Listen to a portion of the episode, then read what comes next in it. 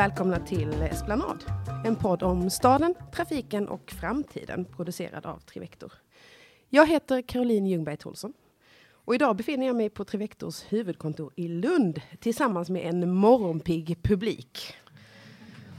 Och på plats så har jag också en eh, panel som består av Jan Hultén, föreståndare på K2, eh, det nationella kunskapscentrumet för kollektivtrafik.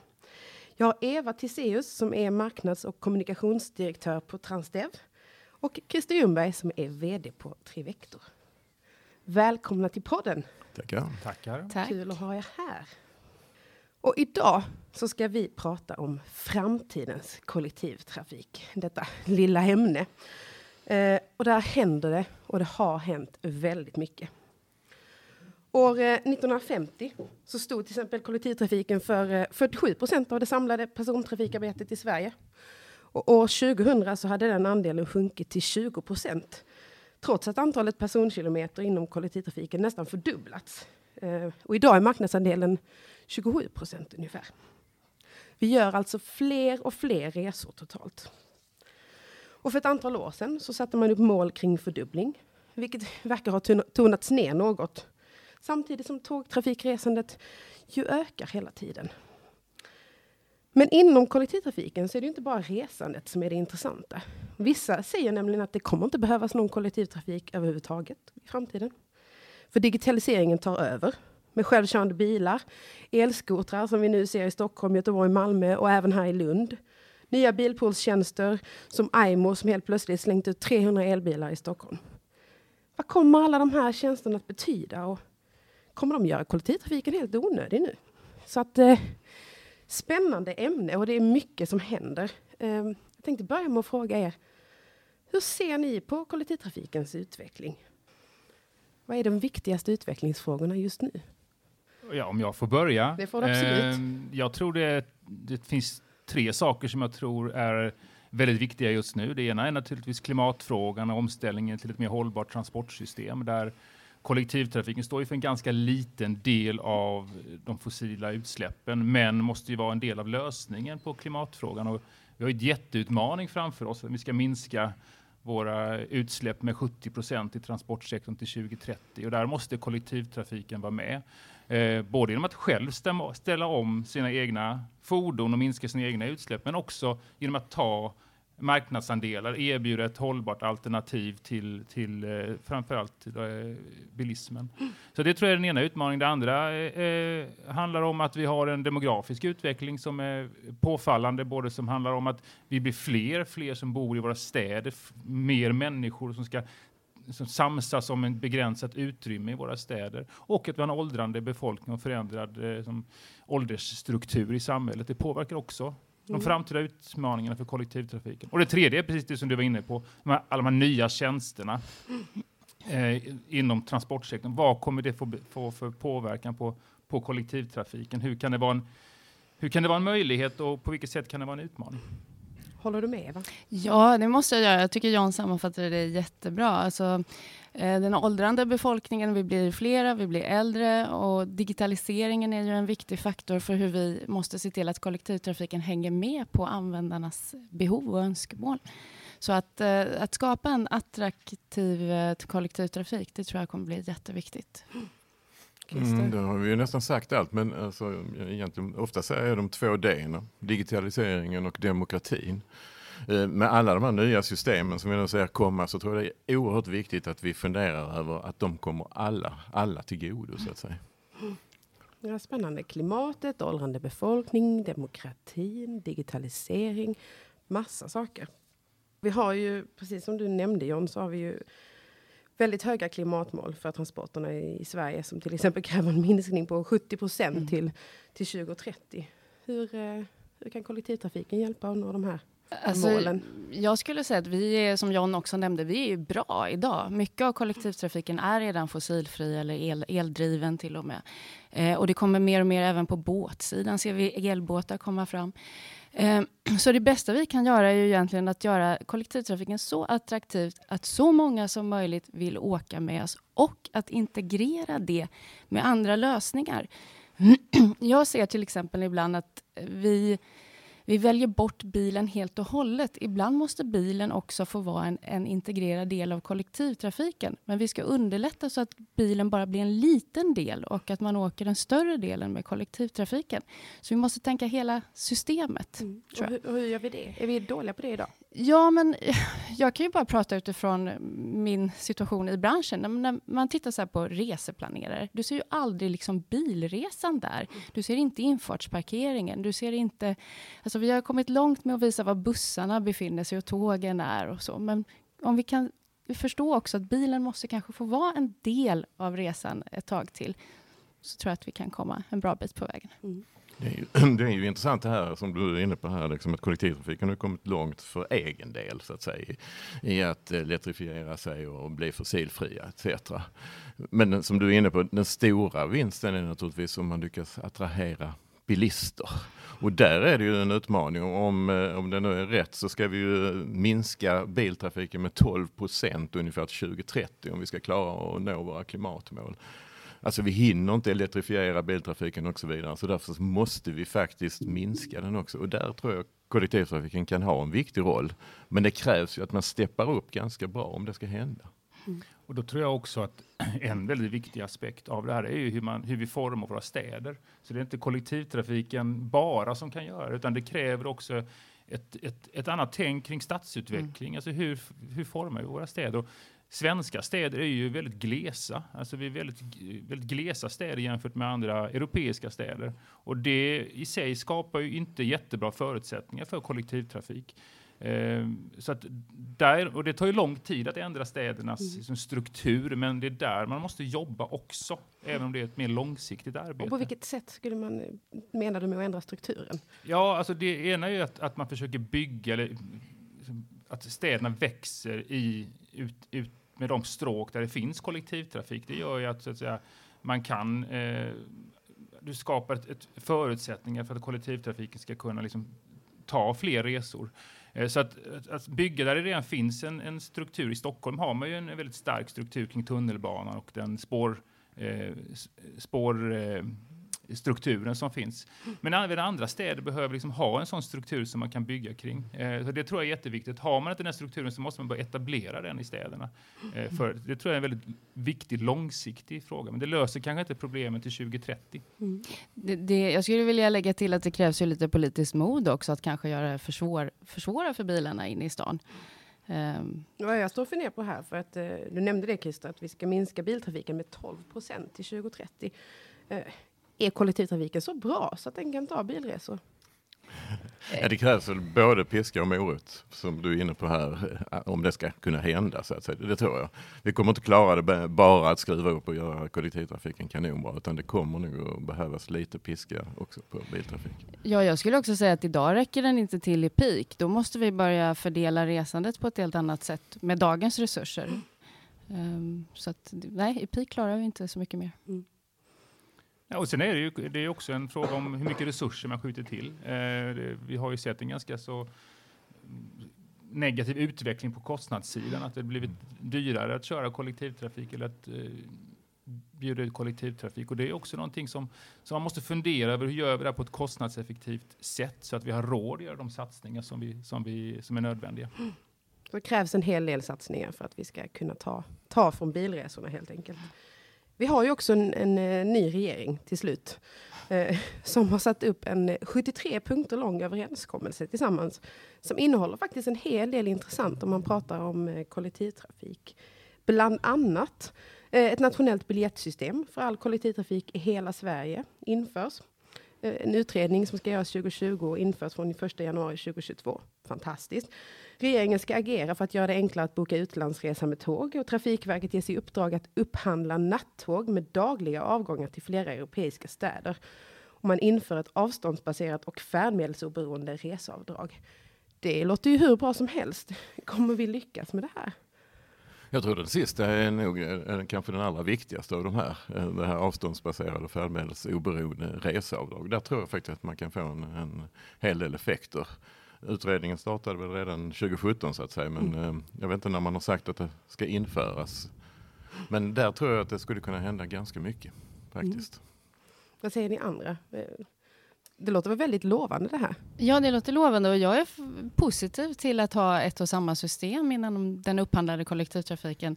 Eh, utmaningen är ju att hitta affärsmodellen, att det funkar. Men det skulle ju vara suveränt om jag kunde åka på mitt SL-kort här nere i Skåne till exempel. Ja, men alltså det, frågan är ju långt ifrån ny. Den har ju diskuterats väldigt, väldigt länge och det har ju gjorts utredningar och sådär om detta tidigare. Så att, låt oss hoppas att man den här gången går i mål. Mm. Eh, det kan också kommer nog krävas en del politiskt tryck för att den verkligen ska bli verkstad av det. Mm. I princip har man ju hållit på i 20 år redan och diskuterat den här frågan så man undrar vad är det som ska göra att det verkligen händer nu? Och det kanske är som du säger, det är kanske det politiska modet att sätta ner foten och säga att nu ska det hända. Det finns ju väldigt många andra länder som har de här nationella biljettsystemen så där ligger ju Sverige liksom lite efter. Eh, och dessutom så säger ju den här överenskommelsen att ökad punktlighet för svensk järnväg. Ökade satsningar på underhåll och investeringar i nya spår är viktiga delar för att nå ökad punktlighet. En långsiktig underhållsplan och ett åtgärdsprogram för att säkra ökad punktlighet ska tas fram i samverkan med tågoperatörerna.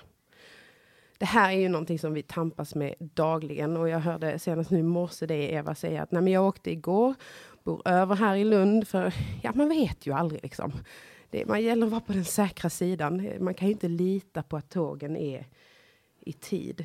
Vi har stora problem inom tågtrafiken. Vad betyder det? Ja, men alltså, det är ju ett problem för man väljer bort tåget som färdmedel eller att det går åt extra lång tid som du säger. Så det gör ju att eh, produkten är mindre attraktiv. Mm. Eh, det, det, är ju en av de stora utmaningarna vi har i kollektivtrafiken. Om folk vet att man kommer fram i tid då, då är det ju fine. Liksom. Men så fort det här osäkerhetsmomentet kommer in, då, då ser vi att vi tappar mm. resenärer och att kunderna blir missnöjda med oss. Mm. Det som är lite paradoxalt tycker jag, det är att folk ändå tyck, verkar tycka att det är ganska attraktivt att åka tåg, för tågresandet ökar ju. Eh, så att det är ju liksom, det är lite svårt att se kopplingen där. Men, men eh, jag håller med, helt med om att liksom, man behöver få upp den frågan på verkligen och, och, och liksom hitta lösningar. Och det måste man jobba både på den väldigt långa sikten, det vill säga med stora investeringar i infrastruktur och sånt där. Men det tar ju väldigt lång tid innan de effekterna eh, liksom, trillar ut. Men jag tror också det finns mycket att göra på de här små förseningarna som lätt blir större i systemet. Eh, och det har vi en del forskning om som tittar på liksom, hur kan man få bort de här 30 sekunders förseningarna mm. eh, på stationer och annat som gör att som sen kan fortplanta sig och bli lite större förseningar. Och det är, järnvägen är ett komplext system mm. så att eh, det, man behöver jobba med både långa och korta eh, horisonten. Mm. Vi skrev ju en debattartikel här före jul eh, i DN där vi just eh, lyfte de här mer administrativa frågorna som skulle kunna underlätta att förbättra punktligheten en bra bit. Liksom, till exempel hur prioriterar man eh, ett försenat tåg? Och då prioriterar man alltid ner det försenade tåget, även om det tåget har eh, jättemånga resande och de här tågen som du släpper fram kanske har mycket färre. Och det är lite intressant för det har faktiskt Trafikverket eh, börjat att ändra på det i systemet så att eh, det händer en del. Men också sånt här när det är spårspring och sånt här mm. så plötsligt ställer man in tåget för man måste liksom ha ut en polis som ska gå och titta att det inte är någon så att säga. Va? Medan i de flesta andra länder så krypkör man sakta förbi och så vidare. Så det, det finns liksom även den typen. Det finns en hel del åtgärder att göra redan Definitivt, nu. som mm. är ganska enkla också. Mm. Och vad är de viktiga? Går det att säga någonting kring vad de här korta, eller de åtgärderna på kort sikt kan vara för någonting? Ja men det är just det här och det, vilket Trafikverket redan har gjort till exempel den här, och tittat på den här så längs Södra stambanan har man från Nöjer faktiskt eh, nya principer för hur den här prioriteringen ska gå, gå till. Så att det är inte alls så längre att det automatiskt är det försenade, försenade tåget som blir nedprioriterat utan eh, man tittar lite mer på just hur, hur det ser ut, liksom lite mer övergripande. Mm. Jag skulle också vilja tillägga att det är väldigt viktigt att vi håller resenärerna informerade hela tiden om vad som händer och att man vet att ja okej, nu är vi lite sena men vi räknar vara framme om fem minuter efter utsatt tid eller tio eller femton eller vad det kan vara. Mm. Så att man känner en trygghet i det. Precis. Mm. Sen, vi pratar väldigt mycket järnväg i Sverige och har gjort under många år. Jag tycker det är viktigt att man också tittar på den andra kollektivtrafiken, det vill säga busstrafiken. Att det är också viktigt att man, att man kommer fram eh, och, och liksom kan hålla omloppsbanorna och, och se till så att det, det inte blir förseningar. Och där finns det massa man kan göra med kapacitetsåtgärder eh, och framkomlighetsåtgärder mm. i våra städer för att få en, mer, en bättre flyt också i busstrafiken. Mm. Det tror jag är lite det är en sån fråga som inte riktigt kommer upp till ytan så ofta, men som är väldigt viktig. Nej, man skulle önska sig lite mer BRT. Mm. Pratar vi för mycket tåg? Nej, men alltså för mycket och för mycket. Det är väl klart, det är, en, det är naturligtvis en viktig fråga, men jag tror man får inte glömma bort andra delar också. Mm. Och, och, där det finns kanske också lite enklare åtgärder att göra ofta. Ja, det finns mycket att göra kring det här. Eh, jag tänkte vi ska prata lite om de här nya tjänsterna som jag nämnde i början.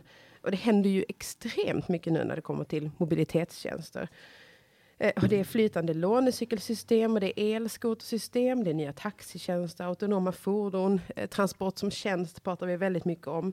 Och det här är i stor, stor utsträckning drivet av techindustrin och helt nya aktörer som kommer in eh, på marknaden. Och just nu eh, så genererar Urban Tech mer riskkapital än de flesta andra mm. sektorer, som till exempel läkemedel och, och AI. Och ungefär 60 procent av de här investeringarna går till transportdelen av Urban Tech, så att det är enormt mycket som händer här inom just Urban Tech och digitalisering i, i, bland transporterna, så att säga. Och jag funderade på när vi, när vi, vi står här helt plötsligt med, med flera hundra elskotrar i, i våra städer eh, och massa andra saker som händer. Hur, hur får vi de här tjänsterna att samverka med kollektivtrafiken? Det här är ju helt nya aktörer som kommer in. Ja, det, det där tror jag är en av de absolut viktigaste frågorna som vi eh, ser här framöver. För det du är inne på här, alla dessa nya system som liksom kommer in från höger och vänster utan att eh, samhället liksom är medveten om vad som faktiskt är på gång det kräver väldigt mycket samverkan för att det här ska bli en nytta för alla. Så att säga. Och där tror jag definitivt att kollektivtrafiken kan spela en viktig roll. Och det tycker jag inte vi har sett nu, att kollektivtrafiken är på hugget där och börjar fundera över vad det här kan betyda. Alltså, jag skulle säga att eh, de tekniska förutsättningarna för att integrera allting och samordna allting, de finns. Det som är klurigt är ju kanske att hitta affärsmodeller för hur det här ska Precis. gå till. Mm. Eh, men jag ser det som ett bra komplement och någonting som faktiskt kan öka det kollektiva eh, resan. För många gånger löser ju det det vi kallar first last mile-problemet, liksom den mm. sista sträckan till dörren. Så är, är detta någonting ni pratar om till exempel? Absolut. Mm. Absolut. Mm. Jag tror det, både, kan vara både en möjlighet men det är också ett, ett hot i viss mm. utsträckning. Mm. Det ska man inte sticka under stol med. Om jag tittar i USA just nu så minskar ju kollektivtrafikresandet ganska markant i nästan alla större städer. Mm. Och det beror ju på eh, att eh, de här taxiliknande tjänsterna som Uber och Lyft och så vidare tar väldigt stora marknadsandelar. Mm. Så att det finns ju också en konkurrenssituation här som man behöver vara medveten om och som man behöver diskutera och förhålla sig till. Mm. Eh, och alltså jag tror man måste försöka få de här nya tjänsterna till att bli en, ett, ett komplement och liksom, så att det, det, verkligen hänger ihop systemet som gör att vi får en, ett bättre eh, ja, en, en, mer hållbart, hållbara möjligheter helt enkelt. Mm. Sen tycker jag det är väldigt intressant när det nu dyker upp sådana nya saker. Det blir nästan en sån ryggmärgsreflex att man ska vara emot eh, de här nya cyklarna som dyker upp och så. Va?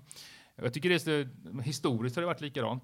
Första tågen, de första bussarna, jag tror den första busslinjen som introducerades i Stockholm fick man lägga ner tror det var 1899 eller sånt där. Den fick man lägga ner efter tio dagar för att det var sånt eh, folkligt uppror mot den här nymodigheten. Mm. Så att det finns ju alltid en sån här, eh, att det kommer nya saker som blir lite, lite hotfulla. Mm. Eh, men vi måste hitta ett förhållningssätt till att dra nytta av de här nya lösningarna. Tror jag. Det är det viktiga. Och det, det är ju det det du är inne på här. Att hur hittar vi det förhållningssättet när, när det är som i flera amerikanska städer att 60 procent av de här som nu åker Uber och Lyft, de gick eller cyklade eller åkte kollektivtrafik innan och i flera städer ökar biltrafiken så drastiskt så att eh, bilkilometerna har ökat med 180 procent i vissa städer tack vare detta. Hur, hur, löser vi det? Ja, och hur ser vi till att de här nya tjänsterna går i en hållbar riktning? Ja, samverkan. Jag tror det är oerhört mm. viktigt. Vi måste samverka kring det här och börja fundera. Men jag, jag tror kanske också att samhället måste steppa upp och, och, peka och säga det är hit vi ska. Därför så måste de här systemen se ut på det här och det här sättet. Det finns faktiskt eh, ett nätverk med mängder av de här mobilitetstjänsterna som tillsammans har tagit fram eh, Shared Mobility Principles. Tio principer som man ska ställa upp och en av dem är faktiskt att man inte ska konkurrera med kollektivtrafiken. Mm. Det är ganska spännande att det finns en sån. Det är fler och fler som hoppar på den här, de här principerna. Men vad säger ni, kommer alla de här tjänsterna att överleva? Nej. tror jag inte. Men några kommer naturligtvis att göra det, helt Ja. klart. Det, det kommer de göra. Och frågan är, just nu kan vi väl inte vara säkra på vilka det är, så att säga. Man, Mm.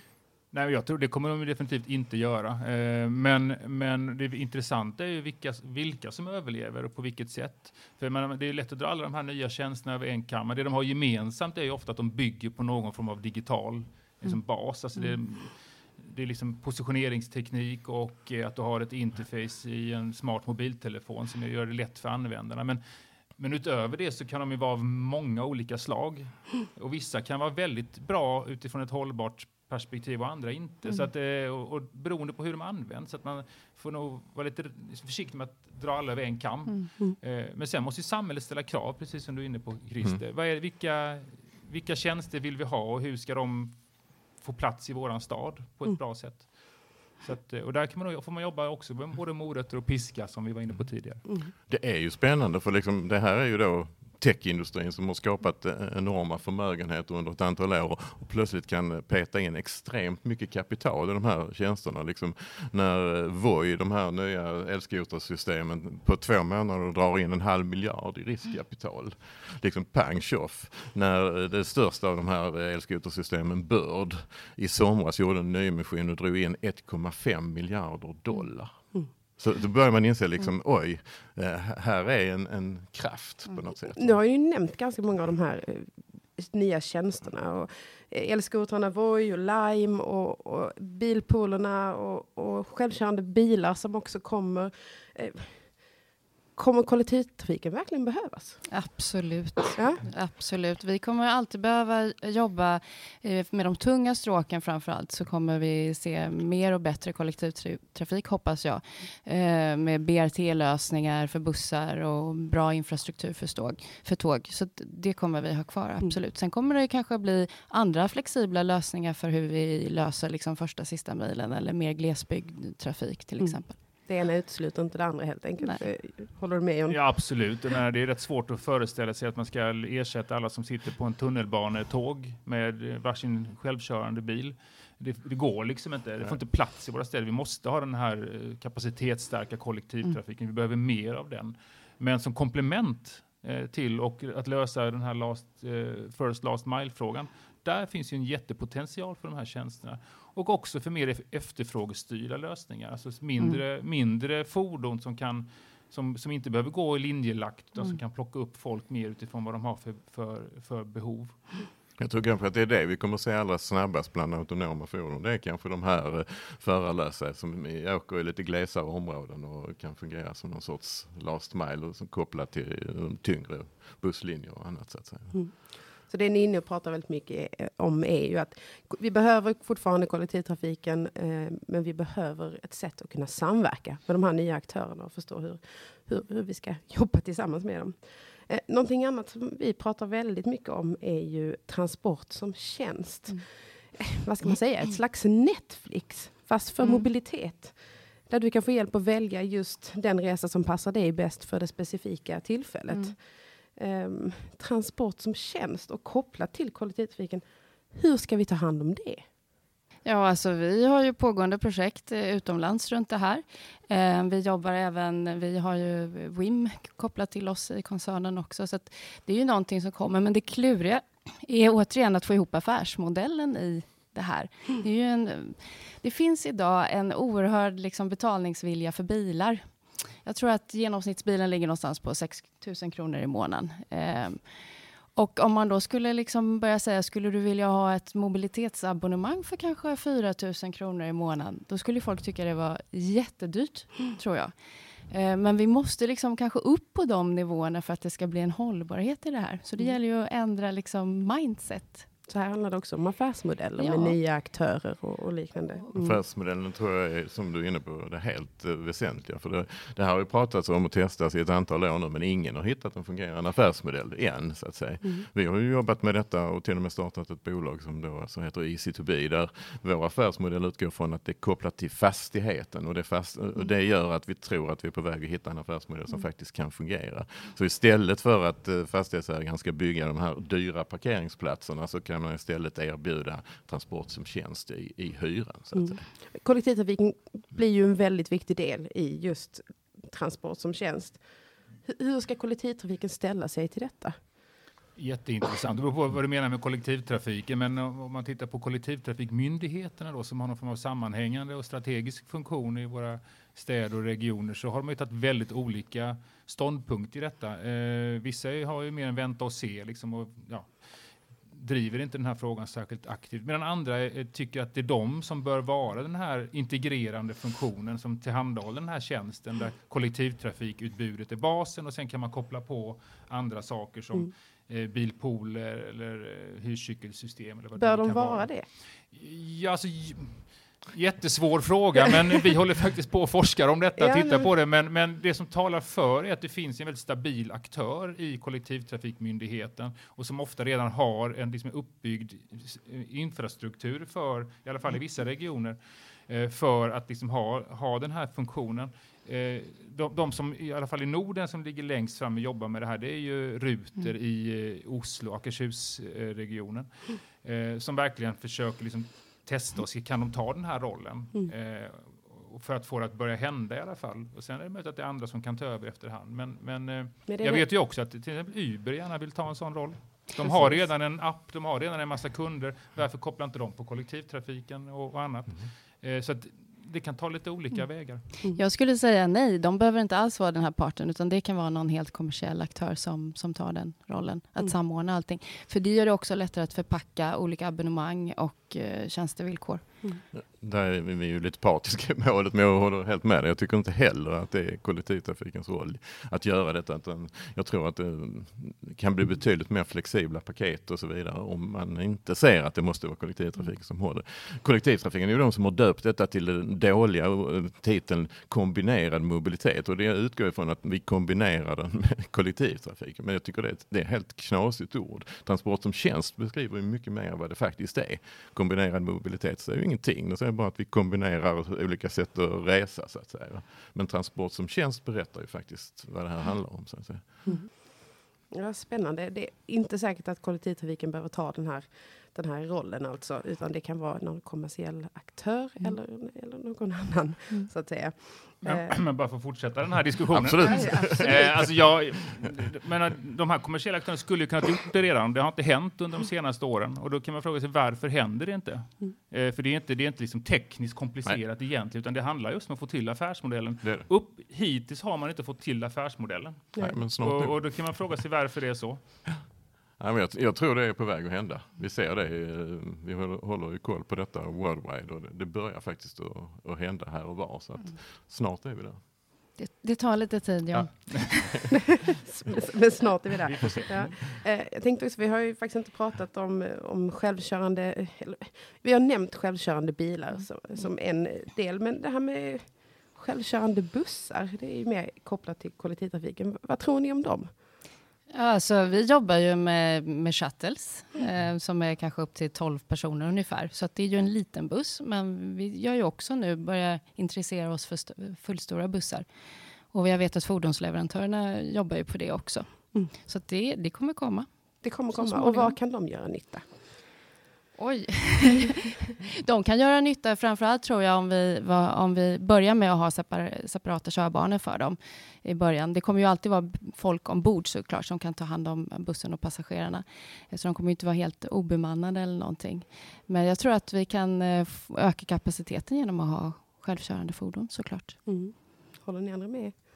Jag tror, jag tror, jag tror som, som jag sa innan att det kommer att komma innan de självkörande bilarna som jag tror kommer att dröja betydligt längre än vad vissa tror. Så att säga. Medan de här, de är ju redan på gång, de här mm. små bussarna. Mm. Absolut, och det, vi har ju, har ju sett exempel på dem redan också i Sverige. Men det man ska komma ihåg är att de är ju fortfarande på, ett, på liksom en nivå där de måste gå på en särskild linje. Det är inte så att du kan släppa ut en sån här självkörande shuttlebuss var som helst i stan och köra runt, utan de går ju på en mm. fördefinierad linje och den kan de inte avvika ifrån. Eh, så att eh, det är ju fortfarande, vi är inte där ännu där vi kan ha ett efterfrågestyrt system mm. som åker runt och plockar upp lite varstans i staden. Det, det är en bit kvar, eh, mm. bedömer jag det som. Ja, men det är det. Men, men det, det, jag tror också det kommer komma. Det vi har lite, vi har ju någon semivariant på det, för vi har ändå anropsstyrd fast efter en linje, så man kan stå vid en hållplats och kalla, kalla fram bussen.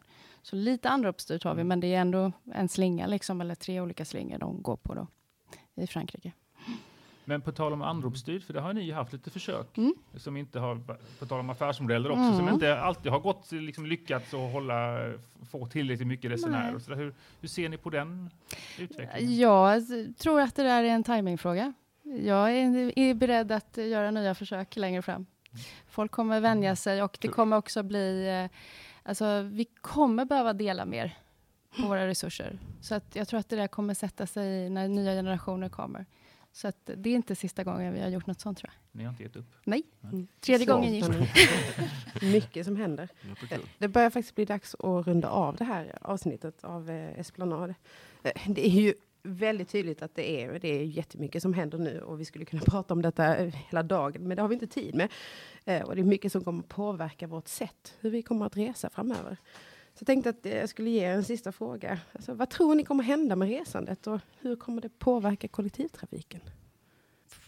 Jag tror att um, det skulle vara bra om branschen på allvar gick tillbaka till den här för, fördubblingen och satte ner foten igen och sa nej, nu, nu, nu ska vi faktiskt göra det. Vi, för tittar man på utvecklingen så, så följde man en ganska bra linje mot den här fördubblingen under ett antal år när alla var på hugget och, och så. Sen släppte man det av en mängd olika äh, skäl så att säga och då har det här planat ut och vi ser inte alls äh, ökningen på samma sätt längre. Så där tror jag, jag tar fram det här igen och sätta upp detta målet och få alla att jobba mot det. Och sen så tror jag som sagt att en del av de här 73 punkterna faktiskt eh, kan göra en del nytta. Mm. Ja, jag är lite teknikoptimist också och tänker att digitaliseringen kommer liksom ta bort en hel del barriärer för hur, att resa kollektivt. Eh, och jag hoppas att folk börjar bli lite mer medvetna om sina vardagsresor. Att man tänker efter och funderar, behöver jag verkligen ta bilen idag eller kan jag ta den en del bara? Eller. Så att vi, vi ser ju den här klimatångesten som mm. verkligen brer ut sig över Sverige just nu. Och det, det är ju positivt på det sättet. Mm. Ja, jag tror också att över resandet kommer förmodligen det kommer finnas en fortsatt stark efterfrågan på att resa. Eh, och jag tycker att vi har gjort ganska mycket de senaste decennierna. Att vi börjar tänka om hur vi planerar våra städer och så vidare. Jag tror vi måste hålla i det, fortsätta jobba med dem eh, utifrån de tankegångarna. Eh, jag, ser, jag är också lite teknikoptimistisk, men jag ser också en risk med att tekniken lägger lite grann av en våt filt över mycket av det vi har gjort. Det vill säga att vi, vi tror att tekniken kommer lösa väldigt mycket och därför behöver vi inte ta de här svåra besluten om, som, som ofta handlar om att vi behöver kanske göra det mindre attraktivt att köra bil i vissa, eh, mm. på vissa mm. ställen. Eh, och tror vi att, att elektrifiering och självkörande bilar kommer lösa alla våra problem i framtiden så finns det en risk att vi inte vågar ta dem eller orkar ta de besluten. Och det tror jag är en risk. Mm. Eh, så att, eh, det tycker jag att politiker och beslutsfattare ska ha, eh, tänka på. Mm. På allvar ta hand om fördubblingsmålet, ta upp det igen. Eh, digitaliseringen, ta bort barriärer. Eh, vi blir mer medvetna om hur vi reser. Klimatångesten vi har är bra. Eh, vi behöver fortsätta arbetet med att vara medvetna om risken med den här tekniken och att inte tro att den kommer lösa allt helt enkelt och göra det mindre attraktivt att använda bilen för våra resor. Stort, stort tack för att ni ville gästa Esplanad. Tack så mycket. Tack.